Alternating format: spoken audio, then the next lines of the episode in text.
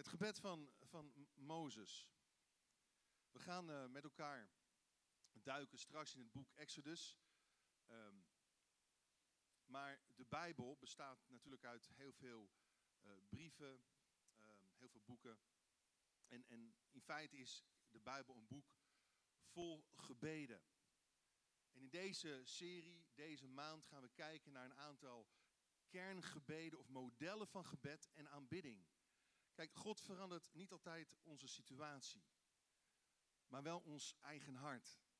Vooral als we, als ons door gebed in een ontmoeting met God laten raken, laten beroeren. Toch hebben heel veel mensen moeite met bidden. Of het nu gaat om jongeren, of het nu gaat om ouderen, of het nu gaat om pasgelovigen, of het nu gaat om mensen die al jaren meelopen in het geloof. Heel veel mensen weten soms niet zo goed uh, hoe ze ermee aan moeten. Of voelen zich schuldig als ze niet genoeg bidden en dat soort zaken. Julia Molenaar schreef in de laatste, nu de Nicolaas Update. Ik, ik weet niet, heeft iedereen de update hier? Of heeft, ja, krijgen jullie de update? Zo niet, dan moet je dat even doorgeven. Er staan altijd belangrijke dingen in. En, en uh, afgelopen vrijdag was zij een gastauteur. En ik moet zeggen, ze heeft een schitterend mooi stukje over gebed geschreven. En ze begon eigenlijk haar inleiding als volgt. Mijn gebed is niet goed genoeg. Of ik heb geen tijd om te bidden en als ik bid, dan val ik in slaap. Of ik schiet tekort in mijn stille tijd en ben daarom maar gestopt. Ik, kan het niet zoals, zo, doen zoals het hoort, dus doe ik het maar niet. En ik hoor ze regelmatig dit soort uitspraken. Maar luister goed, op elk moment van de dag kun je bidden. Op elke plaats waar je bent kun je bidden. En op allerlei wijzen kun je bidden. Sommige mensen denken dat er maar één bepaalde manier of één wijze is om te bidden. Maar er zijn natuurlijk, en dat de Bijbel laat zien, verschillende manieren, verschillende uitingen van gebed en verschillende patronen van gebed. Er is niet één bepaalde formule. Er zijn verschillende vormen. En natuurlijk bidden is praten met God. Maar eigenlijk wil ik verder gaan vanmorgen dan praten met God. Ik wil, ik wil dat we met elkaar God gaan naderen. Tot God gaan naderen. Want Jacobus zegt, als wij tot God naderen, nadert Hij tot ons. En, en voordat ik verder wil gaan, wil ik, wil ik gaan bidden. Heer Jezus, ik bid voor een bijzondere zalving van uw Heilige Geest. Uw woord zegt, niet door kracht, noch door geweld, maar door mijn geest zal het gebeuren. Door mijn geest. En ik bid, Heer, dat we een diepe aanraking mogen gaan ontvangen, ervaren met uw geest en onze geest. In Jezus' naam. Amen. We lezen in Exodus dat God, toen het volk Israël uit Egypte werd geleid door Mozes, een heiligdom zocht om in te wonen, om in te verblijven. En we, we lezen dat God ervoor kiest om in de tabernakel te gaan wonen. De karavaan die elke keer weer, weer afgebroken moest worden en weer opgebouwd moest worden en door de woestijn trok. De woestijn. Waarom? Er waren geen planken in de tabernakel, omdat het volk van God herinnerd moest worden aan het feit, en wij ook vandaag de dag, dat we voorbijgangers zijn en vreemdelingen in deze wereld. Later natuurlijk koos God ervoor om te wonen zich te openbaren in de tempel. Maar nu woont Hij natuurlijk in ons. Ons lichaam is een tempel van Gods geest geworden. En, en als gelovigen bij elkaar komen, vormen ze een woning van God in de geest. Een woonstede van God in de geest, zegt Paulus. Toch geloof ik dat alle dingen die gebeurd zijn bij de Israëlieten onder leiding van Mozes en later ook Jozua hun overkomen is als voorbeelden voor ons, maar ook als waarschuwing voor ons. Hoe gingen ze met God om? Hoe gingen ze met elkaar om? En Jezus, hij zei, ik ben niet gekomen om de wet af te schaffen, maar om de wet te vervullen. Om de wet tot voltooiing te brengen, om de wet tot zijn doel te brengen. En de wet van Mozes was bijvoorbeeld een schaduw van wat Jezus zou gaan doen. en niet hun ware gedaante. Hebreeën 10, vers 1. Maar in het ontwerp van de tabernakel laat God als het ware een proces zien om tot Hem te naderen. Het gaat verder dan bidden. Gaat dieper. Om tot Hem te naderen. Niet als een formule. Gebruik dit niet als een formule, maar als een voorbeeld, als een inspiratie. En zo lezen we in Exodus 25, vers 8. De Heer zei tegen Mozes: De Israëlieten moeten een heiligdom voor mij maken, zodat ik te midden van hen kan wonen. En mij daarin kan openbaren en vertegenwoordigen.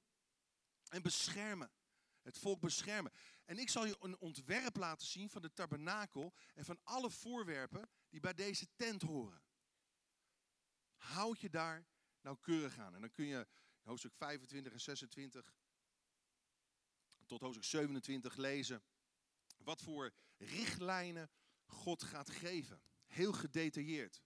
En ik geloof dat, en we hebben geen tijd om elk detail, elk voorwerp te gaan behandelen en bespreken met elkaar. Het is een, in feite een hele studie, daar kun je wel een aantal avonden um, over volpraten. Maar elk detail of voorwerp in de tabernakel heeft een symbolische betekenis, heeft een geestelijke waarde voor een leven van gebed, van lofprijs en aanbidding. Ook voor ons hier en nu. Ook voor ons die ingeënt zijn in die, die, die, die edele olijfboom. Wij zijn de wilde takken die geënt zijn. Dat gaan we ook, ook morgen, als u wilt natuurlijk, dat, dat gedenken, dat beseffen. we, zijn, we gaan onze oudere broer eren. De Bijbel zegt eerst de Jood, dan de Griek. God heeft een plan voor Israël, Gods volk. En de Chanukka is een geweldig mooi beeld van wat God wil doen, ook door zijn volk Israël heen. Maar de voorwerpen in de tabernakel waren een vooruitwijzing naar de menswording van God in Christus. Het woord dat vlees werd en onder ons heeft wat gewoond. Johannes 1, vers 14. Letterlijk gebruikt de apostel Johannes het woordje getabernakeld. Jezus heeft onder ons getabernakeld. Is dat niet apart? Hij was de tabernakel in levende lijven. In eigen persoon. En ik geloof dat gebed is als ademen en ons leidt tot een opklimmen tot het hart van God. Zoals Maarten Luther zei. Maar over Mozes lezen we ook, lees u mee, de Heere sprak tot Mozes van aangezicht tot aangezicht, zoals een man met zijn vriend spreekt. Wauw. En ik geloof ook dat doordat het bloed van Jezus gevloeid heeft aan het kruis, God onze vriend wil zijn, niet onze vijand. Maar onze houding, ons gedrag, onze hartsgesteldheid is hierbij van cruciaal belang. Want vriendschap met de wereld, zegt Jacobus, is vijandschap tegen God.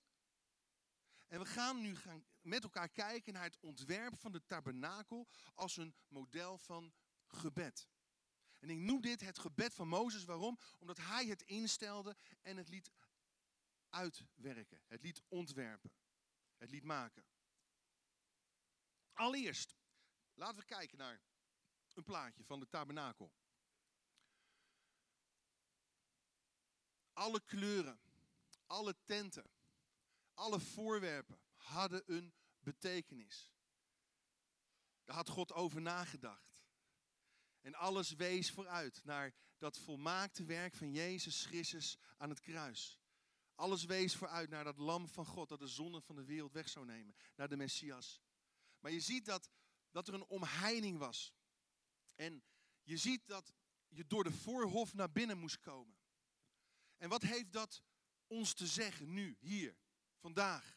En als je, als je God gaat zoeken, als je tot God wil naderen, in het proces wil gaan stappen van naderen tot God, zodat Hij tot jou kan naderen. Allereerst vult u in, ik richt me op het prijzen van God, voordat ik me richt op de problemen of de zonden of de lasten of de zorgen in mijn leven. Amen. Ik richt me op het prijzen van God, voordat ik me richt op de problemen in mijn leven.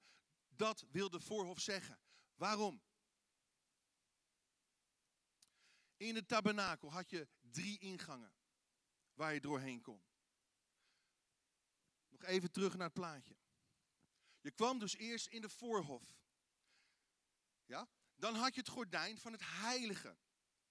Waar alleen de priesters in mochten gaan. In de voorhof konden ook de levieten binnengaan. In het heilige konden alleen de priesters binnengaan. Dan had je het voorhangsel die het allerheiligste afsloot van de rest. Daar stond ook de ark van het verbond. Daar mocht alleen de hoge priester één keer per jaar komen.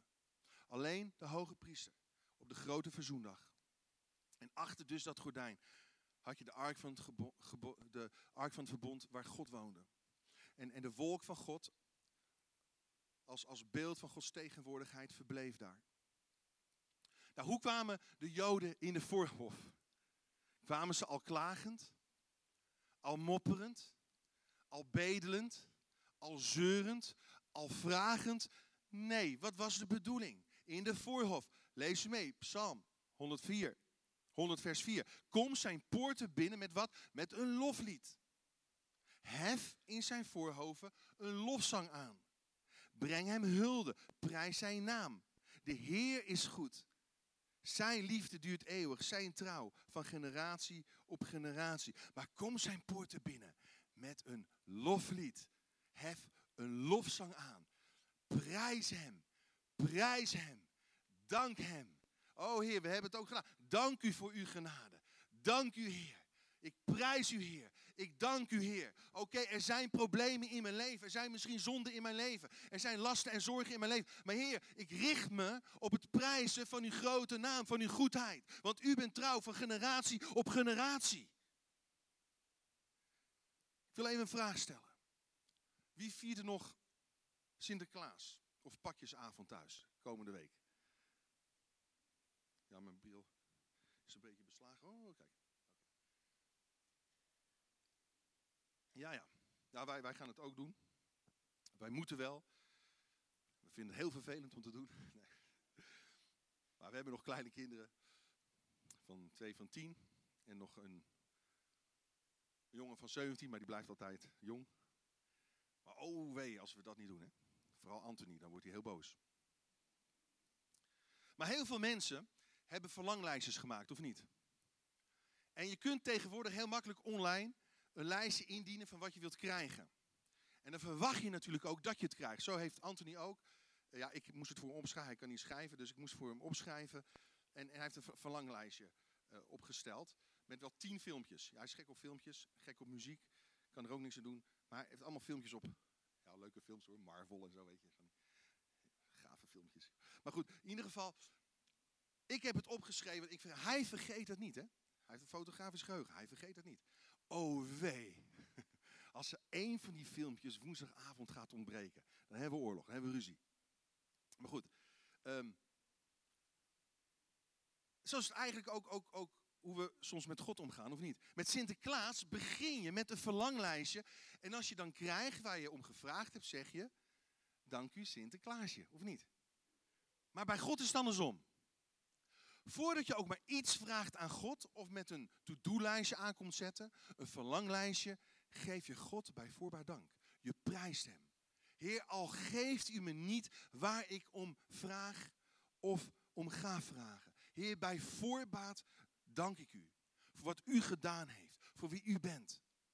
En als je eenmaal, amen, als je eenmaal in de tent was gekomen, moest je langs, even weer terug naar het plaatje als het kan, langs een heel groot altaar. Dat noemden ze het brand, nummertje 14, brandofferaltaar.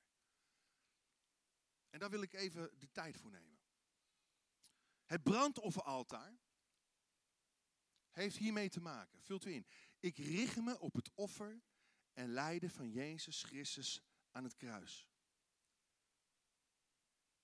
Ik richt me op het offer en lijden van Jezus Christus aan het kruis. Want weet je, als je dat gaat doen, gaat je eigenwaarde groeien. En gaan je problemen verbleken. Ik richt me op het offer en lijden van Jezus. En, en dat, dat, dat, dat altaar dat was gemaakt van koper, als beeld van verlossing.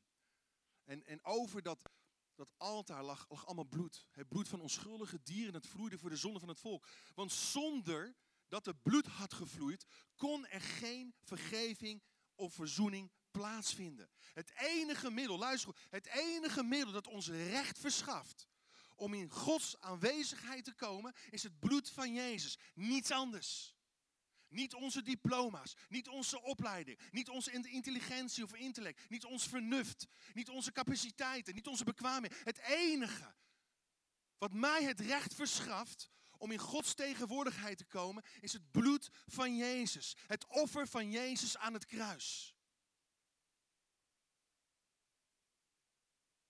Wij hadden absoluut, en nog steeds hebben we absoluut niets in te brengen om voor Gods troon te komen in zijn tegenwoordigheid.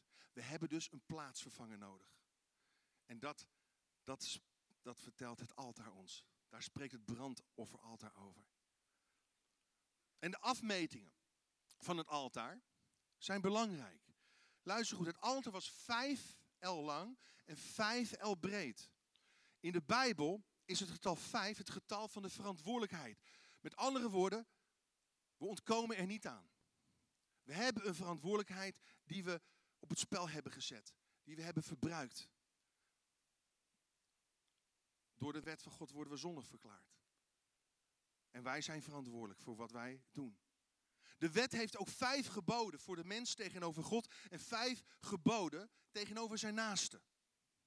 We hebben vijf vingers aan elke hand, vijf tenen aan elke voet. Dus wat doen we met onze handen? Wat doen we met onze gedachten? Wat, doen we met onze, op welke plaats hebben onze voeten ons gebracht? We hebben vijf zintuigen. Met andere woorden, het brandofferaltaar zegt, in al onze handel en wandel, in wat we zeggen, doen en denken, dragen we verantwoordelijkheid. En dan is natuurlijk de vraag, brengen we levende werken voort of dode werken? Wat voor vrucht? Dan de hoogte van het altaar was 3 L. Een L is trouwens zo ongeveer een halve, een halve meter. 45 centimeter. De hoogte van het altaar was 3 L. Ongeveer anderhalve meter. De godheid bestaat uit drie personen: Vader, Zoon en Geest. En hoewel God Zoon centraal staat, is de hele godheid werkzaam en betrokken geweest in de redding en verlossing van de mensheid. God de Vader, hij gaf zijn zoon. God de Zoon, hij gaf zichzelf. God de Heilige Geest was de kracht waardoor de Zoon zichzelf offerde. Letterlijk staat er in Hebreeën 9, vers 14 dit. Hoeveel te meer zal het bloed van Christus, die door de eeuwige geest zichzelf smetteloos aan God geofferd heeft, uw geweten reinigen van dode werken om de levende God te dienen. Hebreeën 9, vers 14. En op grond daarvan, lieve mensen, bezitten we de vrijmoedigheid op grond van het werk van Jezus om God te prijzen, om zijn tegenwoordigheid, om God te naderen. Hij boete voor al mijn zonden. Weet je, Jezaja geeft ons een, een, foto van het lijden van Christus. Al, al honderden jaren voordat Jezus naar deze wereld kwam en gekruisigd werd. Lees u mee, Jezaja 53 vers 4. Voorwaar onze ziekte heeft hij op zich genomen. Onze smart heeft hij gedragen. Wij hielden hem echter voor een geplaagde. Door God geslagen en verdrukt. Maar hij is om onze overtredingen verwond. Overtredingen het woordje overtreding, hier vanuit het Hebreeuws, betekent je bent over een grens gegaan. Je bent over een grens gegaan. Je hebt de wet van God overtreden. En je verdient de doodstraf. Daarvoor werd Jezus gekruisigd in jouw plaats. Werd hij verwond in zijn handen en voeten. Om onze ongerechtigheden werd hij verbrijzeld. Onze ongerechtigheden gaat hier niet zozeer over wat je gedaan hebt, maar om wie je bent. Het is de boosheid van je hart. Het is het kwaad in je hart. Daarvoor werd Jezus verbrijzeld in zijn hart. Hij werd doorstoken met een speer in zijn zij, wat ook zijn hart doorboorde en verbrijzelde. De straf die ons de vrede aanbrengt was op hem. Hij nam de straf, dat is de vloek van de zonde, op zijn hoofd.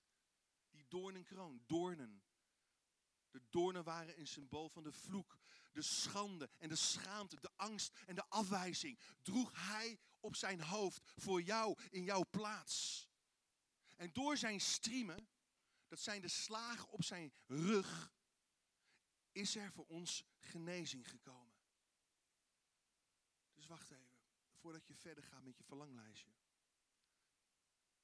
Hou dit eens even voor ogen. Voordat je komt met je eisen. Voordat je komt met, met je behoeften. Met wat jij wil. Lieve mensen, dit is de basis van, van je gebed en aanbidding tot God. En heel veel mensen willen de glorie. Ze willen de zalving. Ze willen de zegen. Maar kan niet buiten of zonder het lijden van Jezus om. Niet zonder bloed. Niet zonder de pijn die Jezus heeft geleden voor jou en mij. Zullen we gaan staan, lieve mensen? Ik wil heel graag dat we gaan, gaan focussen op het kruis. Het brandoffer. Lead me to the cross. Gaan we zingen met elkaar. En dat gaan we doen voordat we verder gaan in die tabernakel, in dat proces om, om tot God te naderen. Zodat Hij tot ons kan naderen.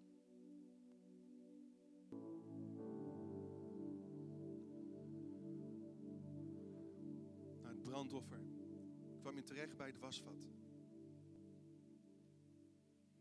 Wat heeft dat te zeggen tot ons? tot jou en mij. Ik richt me op de reiniging van elk gebied van mijn leven. Reiniging door toewijding aan God. Je wijdt jezelf volledig aan Hem toe. Romeinen 12, vers 1. Wijd uzelf aan Hem toe als een levende, heilige offergave. Dus tussen het brandoffer, altaar, en het heiligdom stond een wasvat, gevuld met water. Weet je, zich wassen of reinigen was voorwaarde voor de priesters om in het heiligdom te komen. Het wasvat was, was trouwens gemaakt van, van spiegels. Met andere woorden, je zag jezelf in de spiegels, in de spiegel. En, en spiegels liegen niet. Dus je ziet de oneffenheden en je ziet de onreinheid. Je ziet de smerigheid in je gezicht. Je bent bevuild. En, en het water, dat, dat maakt je weer schoon. Gods woord is een waterbad. En het is net als deze spiegel. In Gods woord kunnen we onszelf bekijken? Kunnen we onszelf toetsen? Onszelf bespiegelen? Onszelf beoordelen? Niet veroordelen. In Christus is er geen veroordeling, maar wel beoordelen. In die spiegel, in het woord van God, kunnen we fout gedrag weerleggen. Zodat de gebreken in ons hart, de zonden in ons hart openbaar worden. En kunnen worden gereinigd, kunnen worden schoongemaakt. Er staat in Efeze 5, vers 25. En Paulus gebruikt het beeld van het huwelijk om, om de relatie tussen kerk en, en, en, en Christus te beschrijven. Hij zegt, het is ook een geheimnis, maar mannen, heb uw eigen vrouw lief zoals Christus de gemeente lief gehad heeft. Zich voor haar heeft overgegeven met als doel op dat hij haar zou heiligen door haar te reinigen met het waterbad door het woord. Door het woord dat ik gesproken heb, zijn jullie rein. Het woord. Het woord is een tweesnijdend zwaard. Het woord van God kunnen we niet negeren in ons leven. Het woord van God is ons kompas. En weet je, onreinheid heeft niet alleen te maken met seksueel overschrijdend gedrag, maar ook met woorden die te ver gaan. Ook met gedachten die te ver gaan. Ik zal je dit zeggen, de zonde van de tong richten meer schade aan in het lichaam van Christus dan welke zonde ook. Jacobus, hij zegt dat de tong een wereld van ongerechtigheid is. Ze bevlekt het lichaam. En zet onze levensloop vanaf het begin in vlam. En ze wordt zelf door de hel in vlam gezet. Met andere woorden, later zegt Jacobus, kwaadspreken. Komt van Satan. Kwaadspreken maakt de gemeenschap kapot. Omdat het afkomstig is van de Satan zelf. En wat opvalt, is bij, die, bij dat water, bij, bij die kom, bij die spiegel als het ware. Wat opvalt is dat, dat hier de maat niet is opgegeven.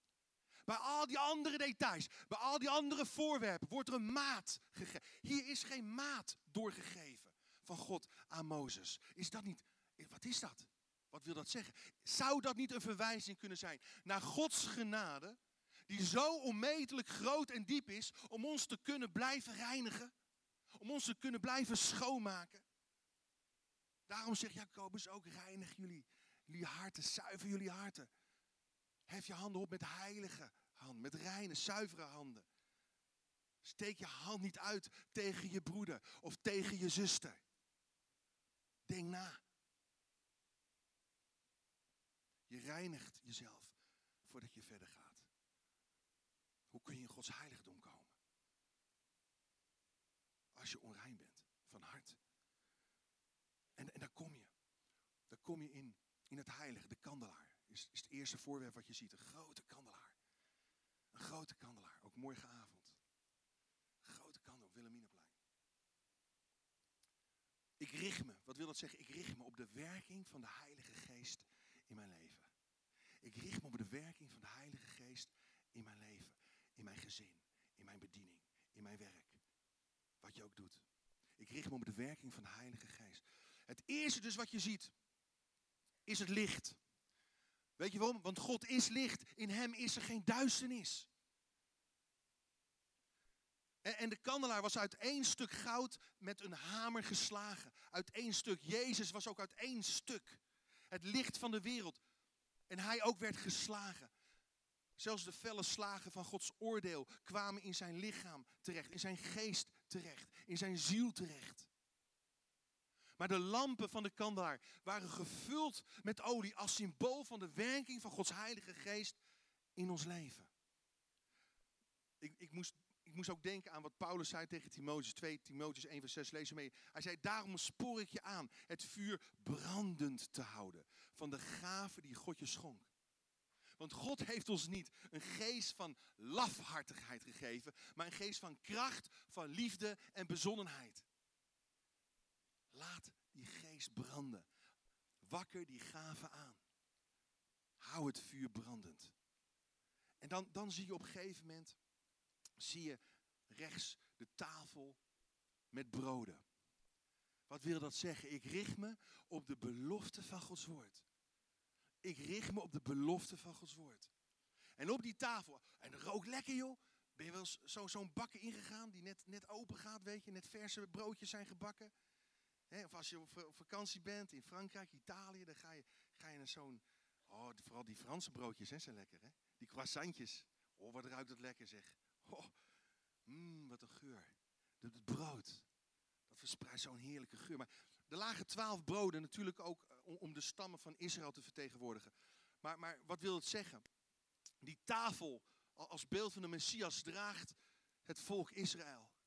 En, en, en God ziet ons ook in het licht van die kandelaar. Hij ziet ons ook in het licht van die kandelaar. En, en er staat ook geschreven, Jezus zei, de mens zal niet leven van brood alleen, maar van ieder woord dat uit de mond van God komt.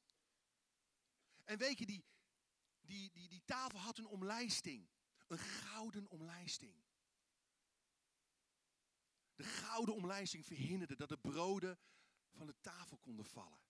Dat de broden van de tafel konden schuiven. Met andere woorden, God houdt zijn geliefde vast en omsloten. En Jezus, hij bad dat hij niet toeliet dat we uit Gods hand geroofd zouden worden. En als je hier bent gekomen op dit punt, richt je op deze belofte. God, God houdt mij vast, wat er ook gebeurt. God is om mij heen. God heeft mij omringd, surrounded. Wauw, dan ga je het woord van God lezen.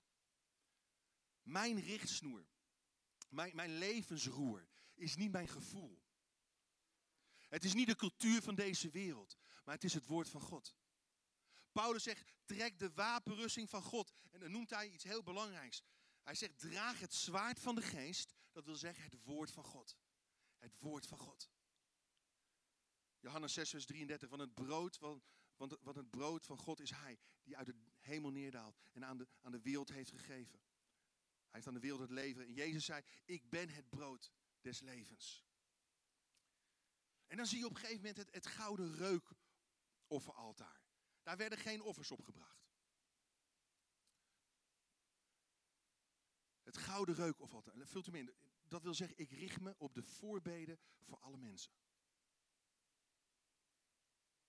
Ik richt me op de voorbeden. Niet, niet op mezelf, maar, maar op de nood in deze wereld. Of wat mensen nodig, of wat wij nodig hebben. Om goed en rustig te kunnen leven. In harmonie. Hier werden dus geen offerdieren gebracht. Er mocht alleen welriekend reukwerk op verbrand worden. En, en lieve mensen, dit stelt de gebeden, de voorbeden van de gelovigen voor. Voorbeden, luister goed, voorbeden is een van de voornaamste taken van een priester. En wij zijn een koninklijk priesterschap. Wij zijn geroepen allemaal om priesters te zijn. En een priester verbindt, verdeelt niet. Een priester bouwt op en breekt niet af. En een priester doet voorbeden. Die gaat in de bres staan. Die gaat geen bressen slaan. Openbaring 8, vers 4. En de rook van het reukwerk op dat gouden altaar, steeg met de gebeden van de heiligen uit de hand van de engel op tot voor God. Wauw. Ik richt me op de voorbeden van alle mensen. O lieve mensen, bid voor de huwelijken in onze gemeente. We ga niet veroordelen, ga voorbeden doen. Bid voor gezagsdragers. Bid voor onze leiders. Bid voor politieke leiders. Of je nou eens bent met ze of niet. Wie houdt er van Trump? Ja, ik, wel. In Jezus' naam. Ik bid voor hem. Bid. Bid voor onze. Bid voor Rutte. Bid, bid voor ons. Bid voor je geestelijke leiders. Bid voor je voorgangers. Ja, dan praat hij voor zichzelf. Nee, ik praat niet voor. Het gaat niet om mij. Het gaat om wat God wil. Het gaat om het woord van God. Bid voor je burgemeesters. Bid voor je wethouders. Bid voor je connectgroepleiders. Bid voor je aanbiddingsleiders. Bid zelfs voor je penningmeester. Een hele goede. Bid. Een priester verbindt, verdeelt niet. Paulus zegt 1 Timotheus 2 vers 1. Allereerst vraag ik dat er voor alle mensen gebeden wordt. Dat er smeekbeden, voorbeden, dankgebeden. Dat zijn die, die reukoffers die gebracht worden, lieve mensen. Dat stijgt op voor Gods troon. Bid voor ze. Opdat we rustig en ongestoord kunnen leven in alle vroomheid en waardigheid. Dat is goed en welgevallig in de ogen van God onze redder. Die wil dat alle mensen worden gered en de waarheid leren kennen. Amen. Daar gaat het om. Niet om wat ik wil, maar om, wat God wil in deze wereld. En dan komen we bij de ark van het verbond. Wat, wat, wat betekent dat? Tot slot, ik richt me op het heilige van Gods naam in aanbidding. Ik bid me. Ik, ik richt me op het heilige van Gods naam in aanbidding. Abe, waar is Abe? Ik hoef hem maar te roepen en dan staat er.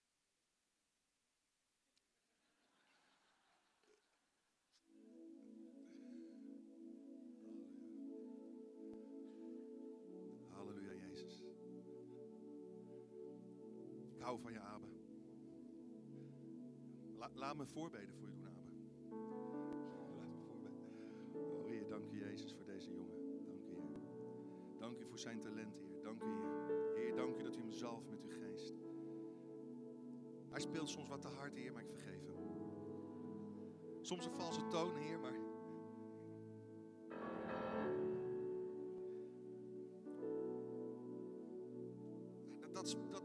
priestelijk optreden. Daar ben ik niet altijd goed in, hoor. Ik sla soms ook wel eens.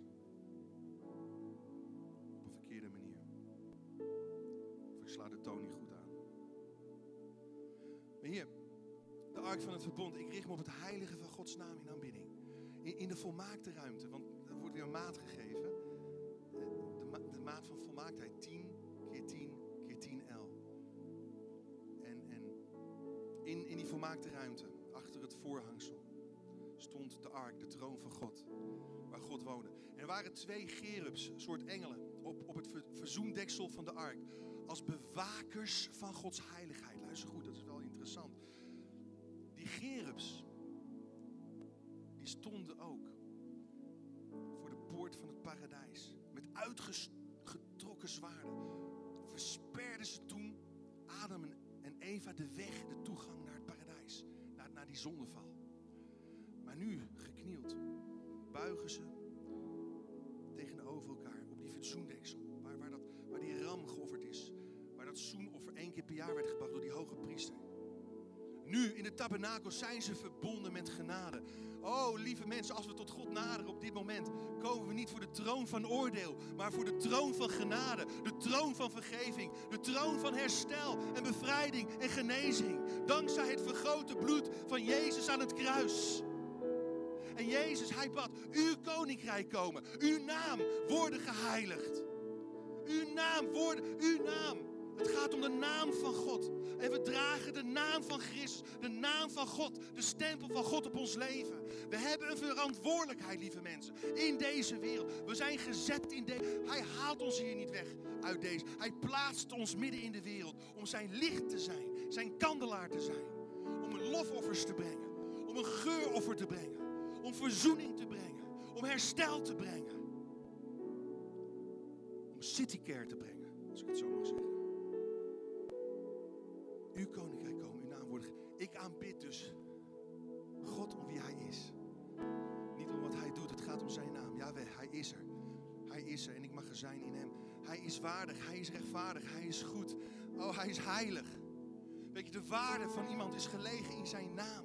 En zijn naam, zegt de Bijbel, is als een sterke toren. En de rechtvaardige snelt daarheen. Snelt. Weet je, bij het brandoffer waren ook vier horens. Jezus wordt de hoorn van onze redding genoemd. Waarom? Je kon je vastgrijpen aan die, aan die horens. Met bloed bestreken om redding, vergeving te ontvangen. Oh, zijn naam is als een sterke toren. Zullen we gaan staan, lieve mensen? Ik wil afsluiten met deze tekst en dan gaan we God aanbidden. Er staat in Psalm 95, vers 6.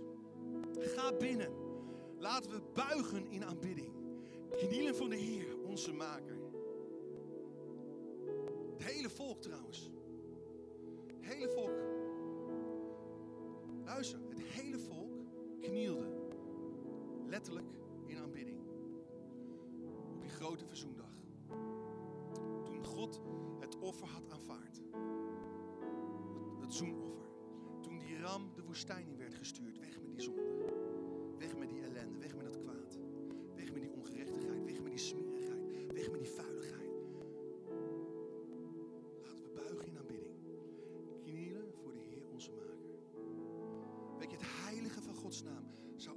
Onze eerste reactie moeten zijn. Niet onze laatste strohalm. Laten we buigen in.